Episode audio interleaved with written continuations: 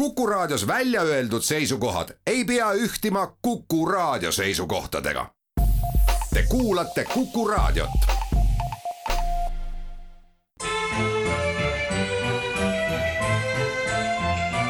Memoria. muinsustervitus, siin Jüri Kuuskemaa. eelmisel korral oli meil muusikaks Konstantin Türnpuu laulude valik ja kuna tema laulud on üpris rahvuslikud, siis ma usun, et need ka tänasel valimispäeval võiksid kõlada meeliülendavalt. ja neid eh, plaadil, eks ole, Priiuse hommikul esitavad Tallinna Kammerkoor ja Tartu Ülikooli Kammerkoor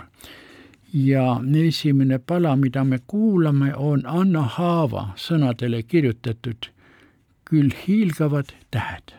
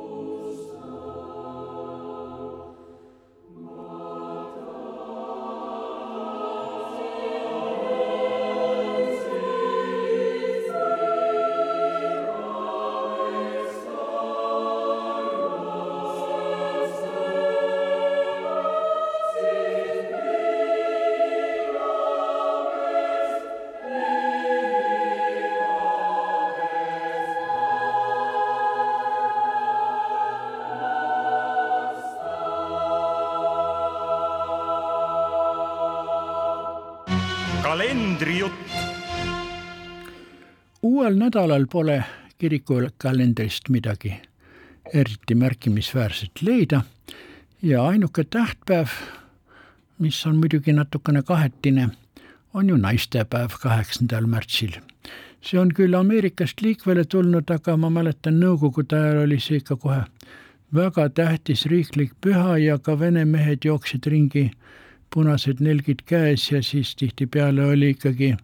meestel paras tinutamine ja õhtul jõuti siis nende lillekestega koju. aga eestlaste seas oli ikkagi niimoodi, et see mai alguse emadepäev oli nagu tähtsaim nagu naistele pühendatud püha. ja ma arvan, et praegu vist on osalt ka niisugune võistlus käimas, et kus peetakse meeles emadepäeva, naistepäevast ei tehta üldse mingit numbrit ja kus seda naistepäeva ikkagi ka mingil määral tähistatakse ja tehakse naistele head nägu ja lilli ja nii edasi ja tervitusi. ja õigupoolest muidugi on ju niimoodi, et kui kellelegi öeldakse midagi meeldivat, siis on see ikkagi alati teretulnud, olgu selle põhjused või ajendid missugused tahes aga kuna tänane kalendrijutt jääks muidu imelühikeseks selle naistepäeva tõttu, siis ma meenutan teile ajaloost sündmust, mis toimus sada aastat ja paar päeva tagasi. see oli esimene rahvahääletus Eestis, no ja tänasel valimiste päeval sobib sellist asja vist eriti meenutada, aga toona teemaks ei olnud mitte valitsemine ja valitsusjuhid või, või Riigikogu, vaid hääletati hoopiski selle üle, kas peaks olema koolides, algkoolides ka usuõpetus või mitte. no vaata, see meenutab mulle, kui meil taheti teha rahvahääletust selle üle abielu seaduse asjus, mis jäi õnneks ära aga mis puutub sellesse usuõpetusse, siis eks ole, on meil ju alati olnud üksjagu inimesi, kes on usklikud ja meelsasti kirikus käivad ja teine osa, kes usklikud ei ole, aga traditsiooni tõttu ikka vahel kirikus käivad ja kolmas, kes on siis sellele hoopiski vastu ja ütleb uhkusega nagu Andres Kivirähk, mina kirikutes ei käi. no vot, samalaadne olukord oli ka sada aastat tagasi, kuigi loomulikult kiriku populaarsus oli siis ju kõrgem ja kirik oli varem ju osa riigist, alles esimese vabariigi ajal toimus see lahutamine riigist. aga see rahvahääletus peeti ajavahemikus seitsmeteistkümnendast kuni üheksateistkümnenda veebruarini ja siis, mis sellised olid tulemused? osutus, et ikkagi vanast traditsioonist lähtudes enamus pooldas, et on usuõpetus koolides, neid oli seitsekümmend kaks protsenti. ja kakskümmend kaheksa olid siis need, kes ütlesid, seda pole vaja. E, ja kui ma nüüd tagantjärele mõtlen selle peale ja võrdlen praeguse olukorraga, kus riik on kirikust lahutatud ja muidugi kohustuslikku usu või usundiõpet koolides ei ole, see on priitahtlik siis ma leian ikkagi, et usundiõpetus kui niisugune on elementaarne humanitaarhariduse osa ja ilma selleta ei ole võimalik mõista paljusid rahvaid ja ka ütleme, rahvaste rühmi, et loomulikult see ei peaks olema niimoodi, et see on nagu uskuma panemine meil siin siis põhiliselt, eks ole, luterlusse luterliku kiriku vahendusel. ja muidugi meil on siin ka ju, eks ole, baptiste ja adventiste ja neli pühilasi ja, ja, ja apostliku õigeusklikke, nii hästi ka Eesti kogudused Ida kirikuga liitunud, need on küll nüüd Konstantinoopoli all, ja igalühel neist on oma sõnum sest et kõik need kristlikud konfessioonid mm, käituvad ju mm, mõneti erinevalt ja mm, on asju, mis on sakramendid ja mis ei ole sakramendid, no näiteks katoliku kirikus on abielu on sakrament, aga luteri kirikus nii see püha asi ei olegi. ja samuti on siis need jumala teenistuse viisid, eks ole, erinevad. ja kasulik on neid teada sest tõesti noh, jah, ma olen kindel, et suur osa inimesi, eriti koolinoori ei tea, mis vahe on adventistil ja baptistil ja lihtsal luterlasel, selle peale kehitatakse lihtsalt õlgu. ja edasi muidugi on ju niimoodi, et eks ole, mis puutub kristlusse veel, siis eks ole, idakirik ja nii-öelda Bütsantsi juurde ka siis Vene Kreeka katoliku kirik ja Rooma kirik ehk päris katoliku kirik, nende vahe, nende hoiakud ja, ja erinevused on ka üsna märgatavad. ja samas me võib-olla ei saa aru, miks see nii on, et näiteks Euroopas kristliku kiriku populaarsus kahaneb ja järjest kloostreid jääb vähemaks ja vaimulike järele on suur puudus ja nunnasid ja munkasid ei tule juurde. aga näiteks Aafrikas on katoliku kiriku populaarsus väga tugevasti levimas. ja miks see nii on? seda oleks ju kasulik teada ja samuti oleks meil kõigil kasulik ju teada ikkagi, kuidas selle muhameedlusega siis ka on. kui palju on seda muhameedlust niisugust ja mm, mis on viinud selleni, et näiteks ristisõdade aeg oli Araabia maailm haritum, intelligentsem, rafineeritum, kui seda olid Euroopa õukonnad. ja, ja muhamedlased olid toona ka sallivamad ja siis ei olnud niisugust ütleksime kristlaste hukkamõistmist ja taunimist, nagu radikaalsemate muhamedlaste puhul me seda näeme, kusjuures, eks ole, hirmutatakse meid pidevalt nende muhamedlike ekstremistidega, keda on ka tõesti üsna palju, kes tahavad maailma vallutada ja allutada. Ja kuidas sellesse muhamedlusse siis suhtuda, kui näiteks Afganistanis nüüd uue võimurežiimi noh, ajal on naistesse suhtumine nii, et naised ärgu üldse käigu mitte ainult ülikoolis, aga avalikus teenistus, isegi kooli ei mingu, istugu kodus, sünnitagu lapsi, hoolitsegu nende eest. ja kui naine tahab üksinda taksoga sõita, siis taksojuht peab ta panema pakiruumi nagu mingi kohvri. no midagi nii alandavat naiste suhtes ma nagu mujalt maailmast ei tea, aga see ei tähenda, et kogu muhamedlus on, eks ole äh,, niisugune mm, labane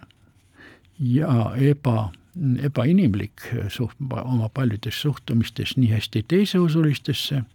kes kõik on vaenlased, kes kõik tuleks õigupoolest maha tappa ja Muhamedlus peaks maailma vallutama,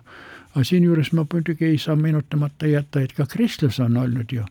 väga ambitsioonikas ja on ikkagi väiteid, et ka kogu maailm tuleb ära vallutada, just kristlikuks muuta ja, ja on aegu, mil ka teiseusulised on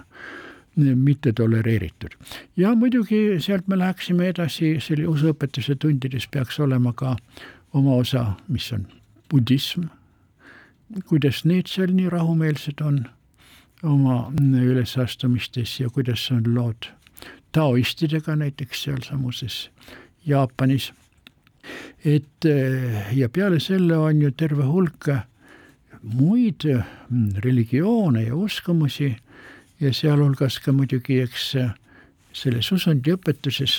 peaks olema oma osa ka Eesti rahvakommetel ja mütoloogial, eh, mis on suures osas kristluse eelne ja aga suures osas on ka sellega väga kristlusega huvitavalt segunenud, nii et, et et ei saagi aru, et kas mingisugusel jaanipäeval või Jaakopipäeval on rohkem nõiduslikke viljakusmaagilisi kombeid või on seal ikkagi rohkem piiblitegelasi ja muidugi ärgem unustagem, et judaism, eks ole, see on siis vana, Vana Testament, eks ole, piibli vanem osa, on juudid seda kummardavad ja sellele tuginevad, aga, aga Uut Testamenti nemad ei tunnusta, Kristust mitte. nii et, et see on siis nagu juutide ja kristlaste nagu suurim erinevus ja sellest ühest erinevuse ilmingust räägin ma peatselt ka äh, muinsusuudistes. nii et äh, head kuulajad äh,, ma ütleksin veelgi, et ka näiteks suurt osa Euroopa vanemast kultuuripärandist, olgu see siis muusika või olgu see kujutav kunst või arhitektuur, ei ole ülepea võimalik mõista, kui me ei tea äh, nagu kristliku religiooni aluseid ja selle tähtsamaid tegelasi mitte ainult, eks ole, Uue Testamendi tegelasi ja osad siis ka Vana Testamendi tegelasi, vaid ka kristlikke pühakuid, keda oh, oh, oh, pärast reformatsiooni Põhja-Euroopas kummardama ei pea, kuid kes on jätnud väga tugeva jälje kas või näiteks ka meile siin kogu Eestisse ja Tallinnasse juba ainuüksi nende pühakodade nimed. Tihtipeale on ju pärit sügavast, sügavast keskajast ja nende kangelasi näiteks luterlik kirik austama ei kohusta, aga katoliiklased küll, nii et, et siin on, kes keda kummardab ja kes keda austab. Need küsimused on ka õhus. Ja, ja ma arvan, et eh, usundiõpetus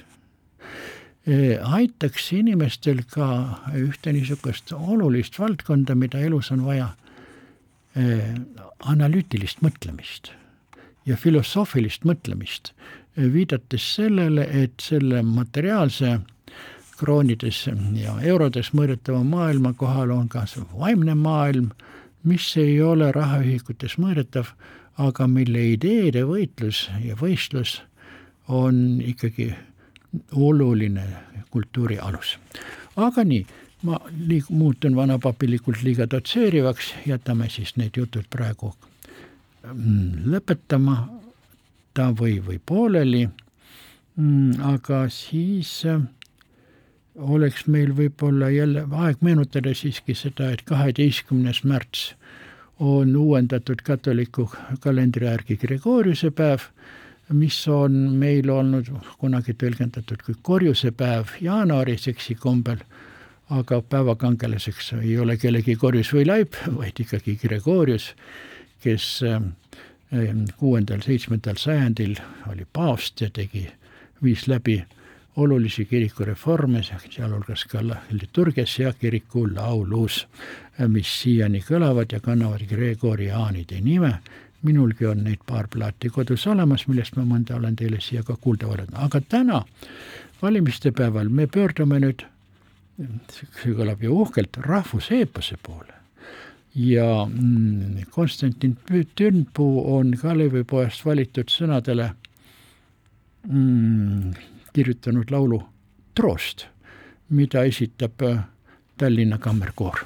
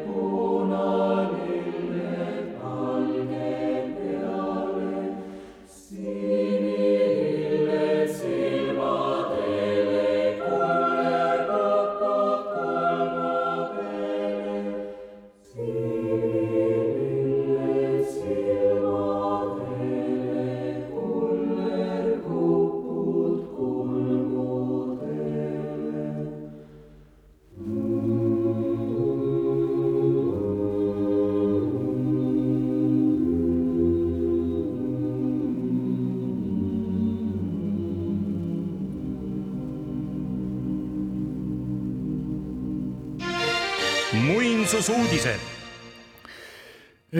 ma lubasin korraks Vana Testamendi juurde tagasi pöörduda, mm, sest ma lugesin äsja, et Ameerikas New Yorgis on tulemas järjekordne oksjon, kus tuleb müüki enneolematult kõrge hinnaga käsikiri ja Sotheby's reklaamis on väidetud, et see on nagu kõige kõrgem, kõigema, kõrgema hinnaga mm, raamat, mis on iialgi olnud oksjonitel pakkumisel. ja tegemist on siis Vana Testamendi heebreakeelse käsikirjaga mm, üheksanda sajandi lõpust. ja selles käsikirjas on puudu mõned kümmekond vist esimest lehte see on siis Moosese raamat, esimese raamatu kümme peatükki. aga muidu on see täielik ja mis säilivusse puutub, siis muidugi teises pooles on osa lehtede servi siiski saanud kannatada, aga mis pole ka muidugi ime, arvestades selle mm, käsikirja heakust. ja mm, selle käsikirjaga on niimoodi, et seda see pärineb ühe mm, juudi käsikirjade ja varatrükiste kollektsioonist, see oli, isanda nimi oli Sassoon, kes tegutses jah, mis on kuni tuhande üheksasaja seitsmekümne teise aastani, mil ta suri, ja tema valduses oli kokku tuhat kakssada üheksakümmend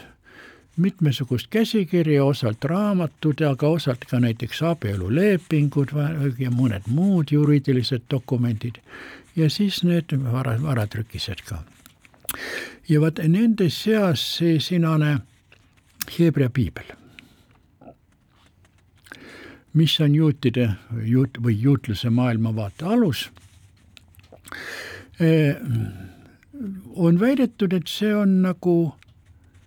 ainuke täielikult säilinud siis heebreakeelne niisugune vara, varane pühakirja eksemplar kuid siiski mm, üks Eesti teoloog mm, uuris ja väitis, et Peterburis on olemas ka samaaegne Hebrea piibel, millel on ka esimesed lehed olemas, mis on täielik, kus ei ole mitte midagi puudu ja kus siis kalligraafia on nagu paremal tasemel, kui on see sellel Sassuuni piiblil. Aga Sassuuni sur-, surma järel tema pärijad panid selle vist tuhat kaks, tuhat üheksasada seitsekümmend üheksa oksjonile selles samas Sotheby's firmas, kus see ka müüdi ja need ostjad mõne aja pärast panid selle uuesti oksjonile ja nüüd tuleb see siis kolmandat korda Sotheby's oksjonile, aga selle oletatav hind on kolmkümmend kuni viiskümmend miljonit dollarit, mis võtab muidugi ahhetama. Aga loomulikult me teame, eks ole, rikkaid juute, nagu vanasti liiukasavõtjaid, on, on praegu palju ka rikkaid pankureid, kellele ütleme seal sada miljonit ees või taga ei ole eriliseks probleemiks. nii et küllap see eh, raamat ka oma omaniku leiab aga eks see võib panna meid natukene kohmetuma, sest et äh, millised on meie mastaabid ja võimalused ja teine asi on, millised on meil äh, käsikirjad, mis võivad omandada noh, niisuguse rahvusliku kõrgsümboli väärtuse. no äh, ma arvan, et meie Eesti kirjanike need raamatute käsikirjad, neid mõnevõrra ju on ka liikvel, aga need ei ole ei ole niisugused, mis võiks olla no selline sümbol, nagu arhitektuuris on meil näiteks Teater Estonia. E, et niisugust käsikirja vaevalt Eestis saab leida, aga pöördudes nüüd tagasi nende sinaste piibellike käsikirjade juurde, siis viimastel aastatel on sealt surnumere kandist tulnud teateid pidevalt, et järjekordsetel väljakaevamistel on jälle tulnud ilmsiks papüürusrullide katkeid, mõnikord üsna suuri su-, mis on nende sinaste piibliosade käsikirjad varasematest sajanditest, seal neljas-viies sajand ja nii edasi, mis pakuvad teoloogidele suurt huvi ja mida siis hoolega siis konserveeritakse ja silutakse ja dešifreeritakse, nii et selles mõttes Eh, on ju ilmsiks tulnud ka nii-öelda apokriivalisi tekste, nii-öelda evangeeliume, mis hiljem eh, Uude Testamenti, mida ei võetud, mis jäid lihtsalt nagu ringlema selle põhilise tunnustatud kristliku maailmavaate kõrval. nii et see on omamoodi huvitav, aga meil siin, kus Eestis on ju palju kaklemist ja tüli. Nüüd laupäevasest Postimehest selgub ka asjaolu, et kui meie Tallinna muinsuskaitse juht Boris Dubovik sai äsja pidulikult pensionile saadetud, siis selle taga olid tülid Tallinna linnavalitsuses, sest Duboviku hoiakud, põhimõtted, eh, mis kaitsesid muinsusi, ei läinud kokku näiteks sellise ametniku nagu proua Lippus põhimõtetega ja selles äh, laupäevases äh, Postimehes võimegi lugeda Tuboviku intervjuud, kus on ka kirjeldatud seda kolme peapõhjust, miks tema siis nagu erru saareti, ei läinud, vaid saareti, ja üks neist on see Teater Estonia juurdeehituse küsimus, sest proua Lippus on arvamusel, et Estonia probleemide lahendamine, ainus võimalus on püstitada Pärnu maantee poole suur juurdeehitis, muud asjad ei tule üldse kõne allagi, neid pole mõtet rääkida, aga Tubavik on jällegi vastupidisel seisukohal, et mitte mingil juhul, kuni tema on muinsuskaitse pealik Tallinnas, seda ei lubata, sest on tegemist muinsuskaitsealaga ja, ja Estonia ka Pärnu maantee poolset vaadet ei tohi rikkuda juurdeehitisega ja samuti linnaruumi ei tohi täis ehitada, on tegemist nii looduskaitseala kui ka muinsuskaitsealaga ja maa sees on ka nende bastionisüsteemi müürid, mis jäävad, peavad jääma lõhkumata ja kus peab säiluma see osa rohevööndist, bastionide, mis on ümber Tallinna vanalinna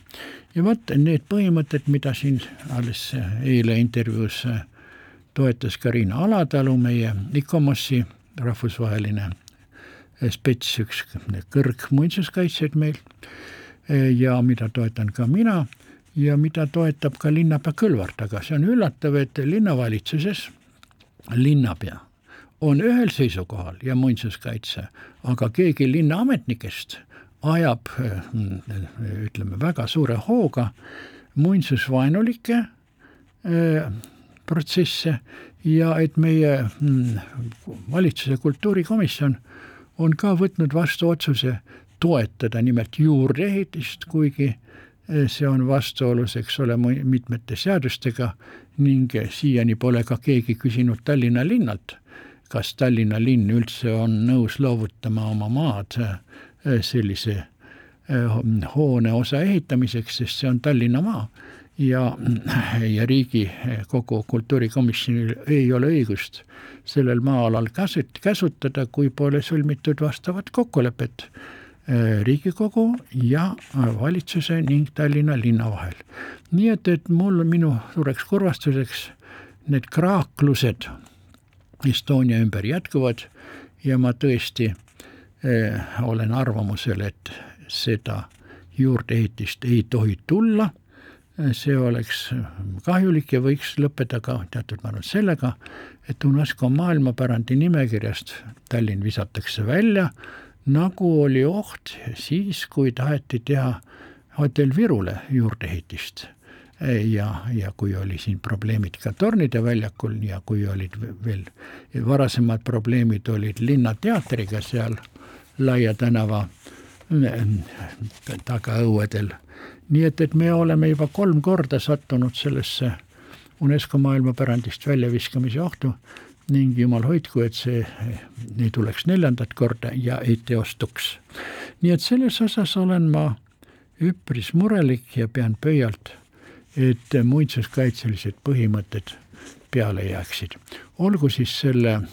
uue Estonia ehitamisega, kuidas on, tulgu ta kuskile, tulgu ta kuskile mujale ja tulgu ta siis ka mõningase viivitusega või, või, või, või. nii, aga meie teiega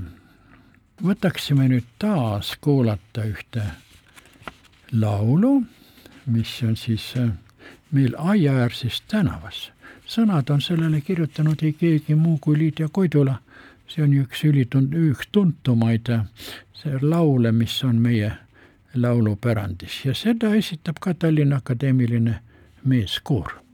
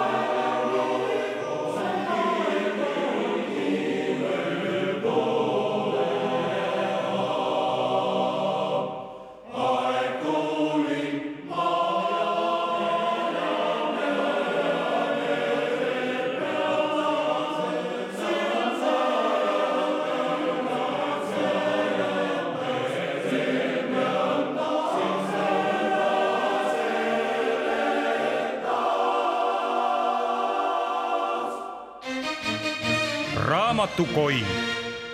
no mõningase venimise järel on minugi kätte jõudnud äh, kogumik Vana Tallinn number kolmkümmend üks, välja antud Tallinna Linnaarhiivi poolt, päris toekas ja muidugi nagu ikka kõvade kaantega, aga millegipärast on nüüd viimaste aastate uus kujundaja Piret Niine-Pukik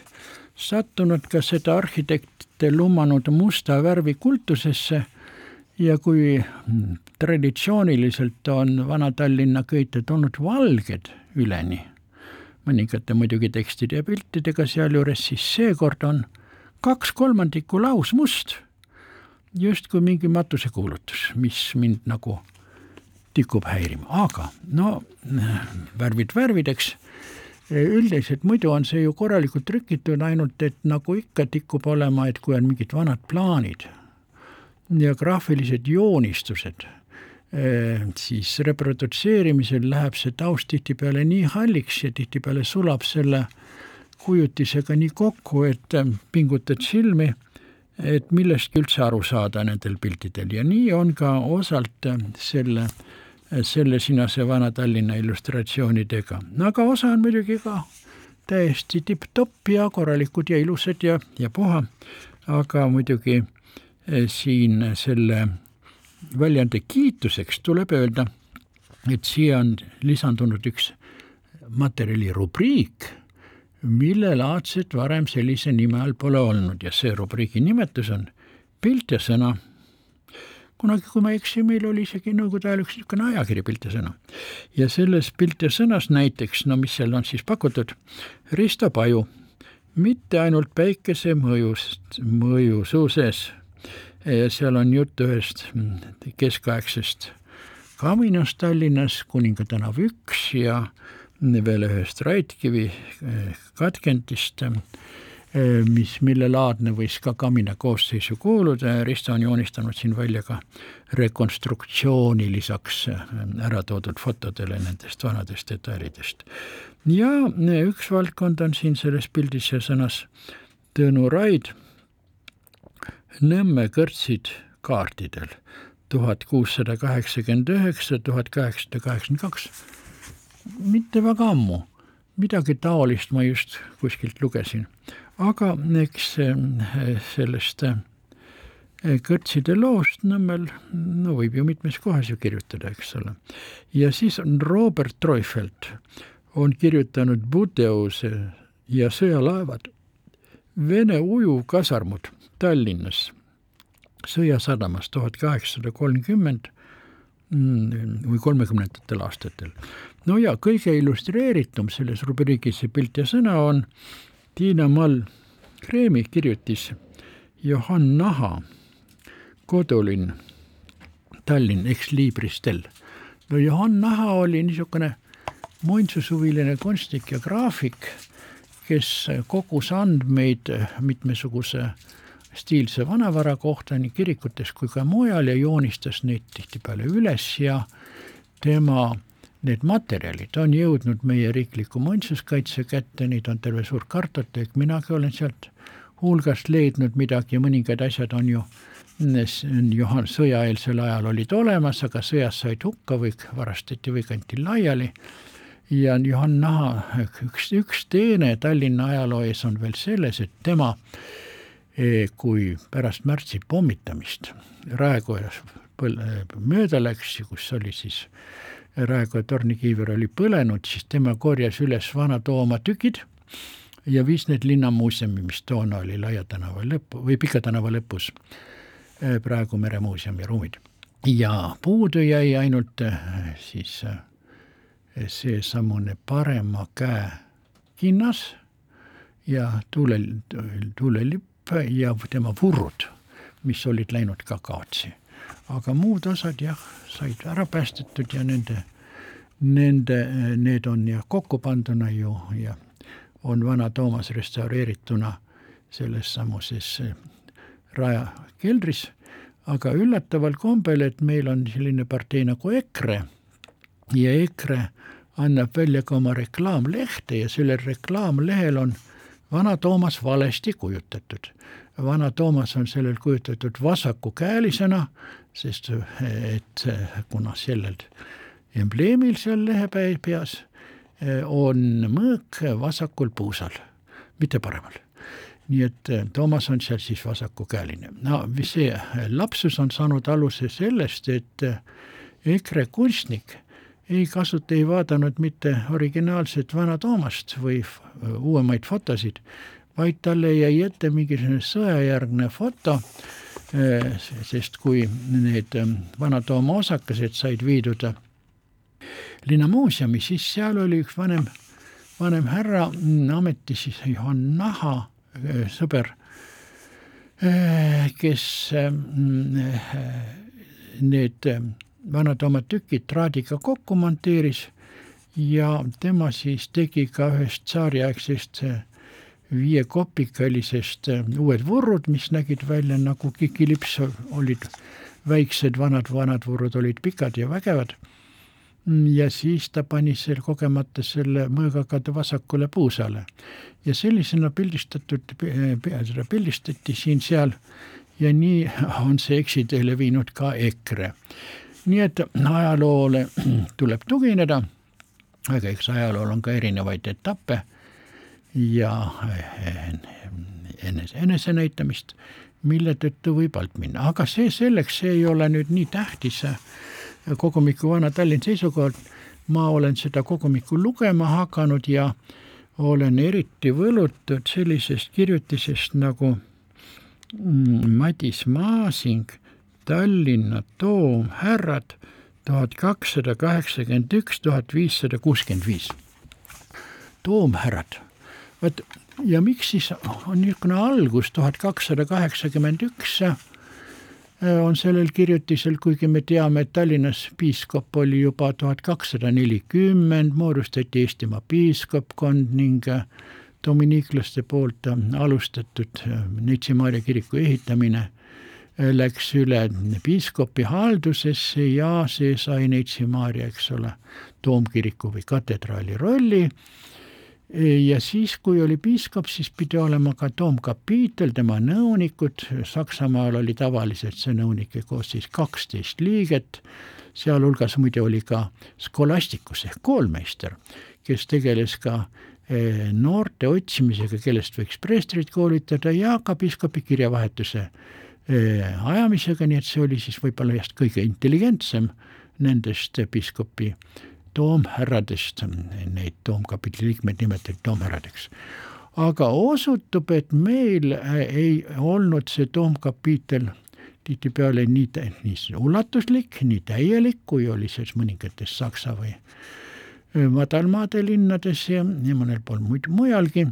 vaid et see toomkapiitel oli tihtipeale ainult neli või viis liiget ja üle pea on varasemad dokumendid ju paljud, suurem osa hävinud, sest kui tuhat kuussada kaheksakümmend neli toomkirik põles, siis põles seal ka ära ka see varasem, varasemate sajandite kirjatarkusarhiiv ja osa äh, nüüd nendest toomhärradest on, eks ole, tuvastatavad kuskile välja saadetud kirjade äh, põhjal või just põhiliselt muust kirjavahetust ja olgu öeldud, et Tallinna piiskopkond, nii üllatav kui see ka ei ole, ei allunud mitte Riia peapiiskopile, vaid Lundi peapiiskopile, nii et see oli, ülemus oli kaugel, aga osa sinna jõudnud kirjadest on alles jäänud ja siis nende mitmesuguse muu kirjavahetuse alusel, suur osa sellest on siis ka Vatikanis, eks ole, kir-, piiskopi ja paavstide ja paavsti ametniku kirjavahetused, neid on siis Vatikanis ka üpris palju, nii et, et meie uurijad on saanud sealt teadmisi nokkida. Ja need teadmised on siis nüüd selles osas kokku pandud, varasemalt oli juba üks Leonid Arbuzov, oli esimene baltisaksa ajaloolane, kes nendest Tallinna toomhäradest nagu püüdis nagu selgust saada ja, ja koostas neid e, nimestikke ja nüüd on see Savoregi, see Madis mm, Maasing eh, läinud selle asja uurimisega süvitsi ja väga nauditav on lugeda ka seda, et kuidas see uurimine on toimunud, millistest allikatest, millisest kirjavahetusest, millisest dokumentidest on võimalik teada saada meie nende, eh, nende nimesid ja, ja millised on olnud nende kohustused mõnevõrra ja millised on olnud need need soosingud või prebendid, mille, millest nad on saanud siis palka või, või elatist teeninud. ja siis on see mm, väga huvitav, et siin on ära toodud, eks ole, ka need tegelased, nimekirjad ja nendes nimekirjades me leiame mm, siin nüüd mitmesuguseid nimesid, mille analüüs annab ka lisa meie toomkapiitli tegevusele ja hoiakutele, sest et siin on osalt on tegemist perekonnanimedega, nimedega, mis esinevad ka Tallinna kodanikkonnas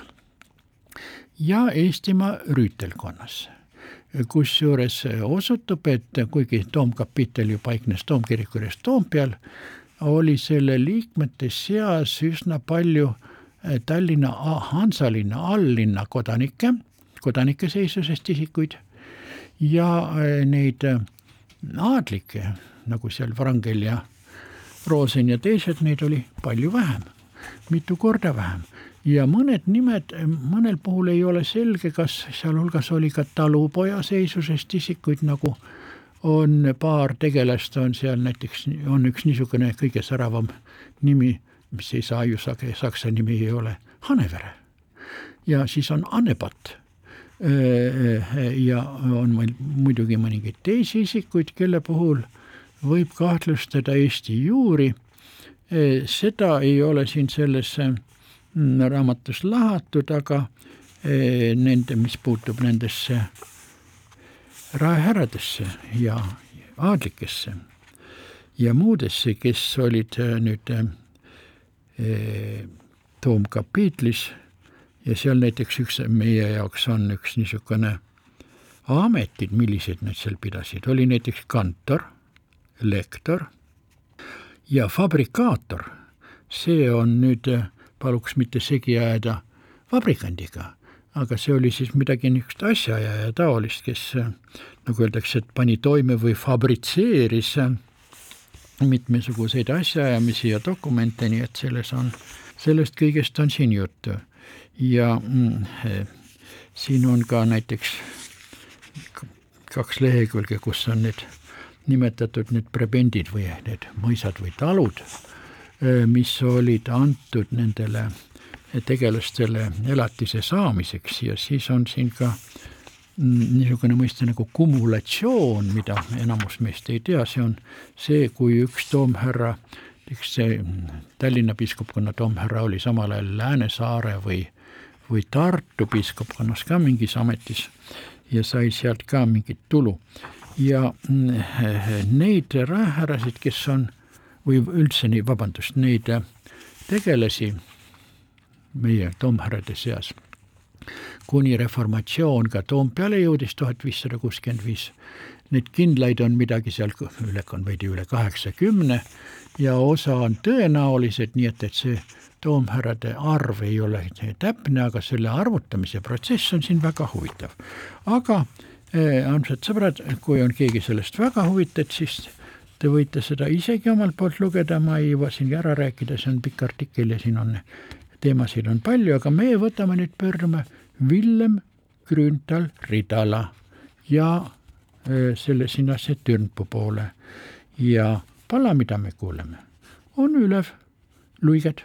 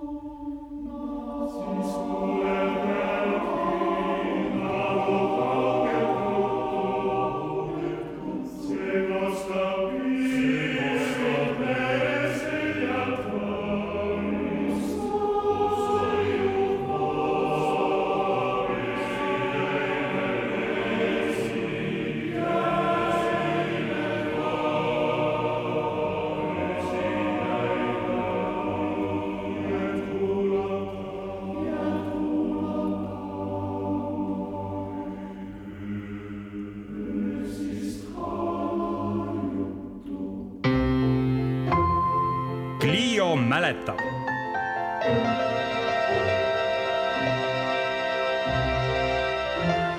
sedagi, et esimesed professionaalsed heliloojad nagu Artur Lemba ja Konstantin Türnpuu ja teised said oma hariduse Peterburi konservatooriumis.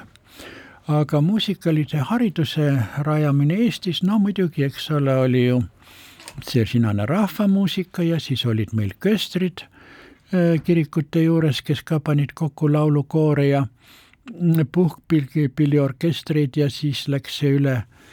kooliõpetajatele, aga see oli ikkagi osal suures osas, eks ole, nii-öelda amatöörtasemel, kusjuures need amatöörid pidid omamata nüüd muud kui praktilist ettevalmistust etendama juhtivat rolli, aga kui nüüd kahekümnendal sajandil oleme me muidugi jõudnud selleni, et meil on professionaalne muusikaharidus mitmel tasandil ja see on saavutanud väga suurepärast edu ja mina ütleksin tõesti, et Eestit välismaa, välismaailmas kõige paremini esindab praegu kõrgtasemel, maailmatasemel muusika, et meil on nii hästi heliloojad, dirigendid, interpreedid, solistid, koorid ja ansamblid, mis teevad Eestile au ja teevad paljudes paikades ka Eesti nime üldse tuttavaks, seal, kus seda ei tunta. ja loomulikult sellega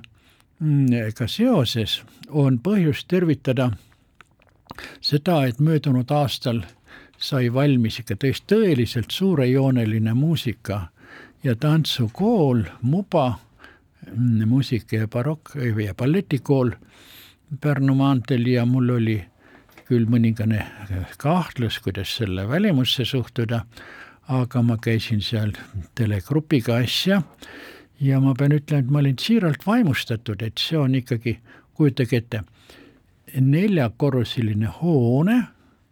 siseõue ümber, mille nimi on Vaikuse aed, kus on lumi maas ja puud ja üks niisugune abstraktne skulptuur või installatsioon, mille nimi on Vaikus ja samas on seal ka neli korrust ja need neljal korrusel on kokku kakskümmend kuus tuhat ruutmeetrit pinda. see on sama palju, kui on umbes lauluväljak kokku, kogu, kogu oma mahus. ja sellesse mahub ära siis no ütleme nagu teaduskonnad või osakonnad. klassikaline muusika, rütmimuusika, ballett, üldharidus ja siis on ka muusikaristade hooldamine ja remont ning lisaks on puhkerunurgad ja on ka sada kakskümmend individuaalharjutamise klassi, mis on isoleeritud nii, et akustiliselt see nüüd keegi ka lärmakad pillid kuskile kõrvale ei kuuldu. ja siis on seal veel kakskümmend üldharidusklassi, kus antakse ju nendele koolinoortele keskharidust paralleelselt muusikalise haridusega ja siis on neil veel bassein kolmerealine, kakskümmend viis meetrit pikk iga rida, mille kõrval on ka saun ja riietusruumid ja seda nad jagavad kõrval oleva tehnikumiga, need muusikakooli ja teatri, balletikooli noored. ja siis on ka veel üks nagu jõusaali meenutav ruum, kus on mitmesuguseid seadmeid, kus võib siis oma muskleid treenida, mida ju ka muusikutel ja balletiartistidel ka vaja läheb. nii et, et seal on eh, ka suur kammersaal, suur, eh, suur saal veel kuus eraldi proovi- ja harjutussaali ning eh, esinemiskohana tuleb kõne alla ka hoone keskteljel olev kohvik Söökla, mis on tore ja kus on siis vaade läbi kõrge klaasseina sellele praegu lumisele õuele, kus muidugi suvel rohelisel ajal võib teha ka esinemisi ja neid jälgida siis kõrval olevat neljakorruse nendelt rõdudelt, et see tuleb ikkagi midagi väga atraktiivset ja nende ainuke, mis neile võib-olla võib ette heita, et natukene puhkeruumid ja koridorid natuke kõledavõitu, seintel ei ole veel ühtegi pilti. kuigi minu meelest jah, neid meie muusika- ja tantsutähti võiks seal fotodel ju edaspidi olla, aga noh, see on juba kooli siseküsimus, kuidas nad leiavad või muidugi eks kõikidest nendest kunstiliikidest on ju heli ja liikumine seal kõige tähtsamad ja paistab, et see on tõesti koht, kust võib tulla peale uusi maailma tasemel muusikuid ja tantsijaid. no osa neist peab muidugi pärast seda kooli veel minema konservatooriumi, aga noortel ju õppimisvõimalused on ja see on kõige tähtsam. nii et, aga nüüd on aeg Memoria lõpetama, mina pean va minema valima. kui teie, head kuulajad, pole seda veel teinud, siis järgige minu eeskuju ja täitke oma kohust, sest et kui meie ei vali, siis valivad teised ja kui meil on, kui me pärast nuriseme, siis pole meil õigust nuriseda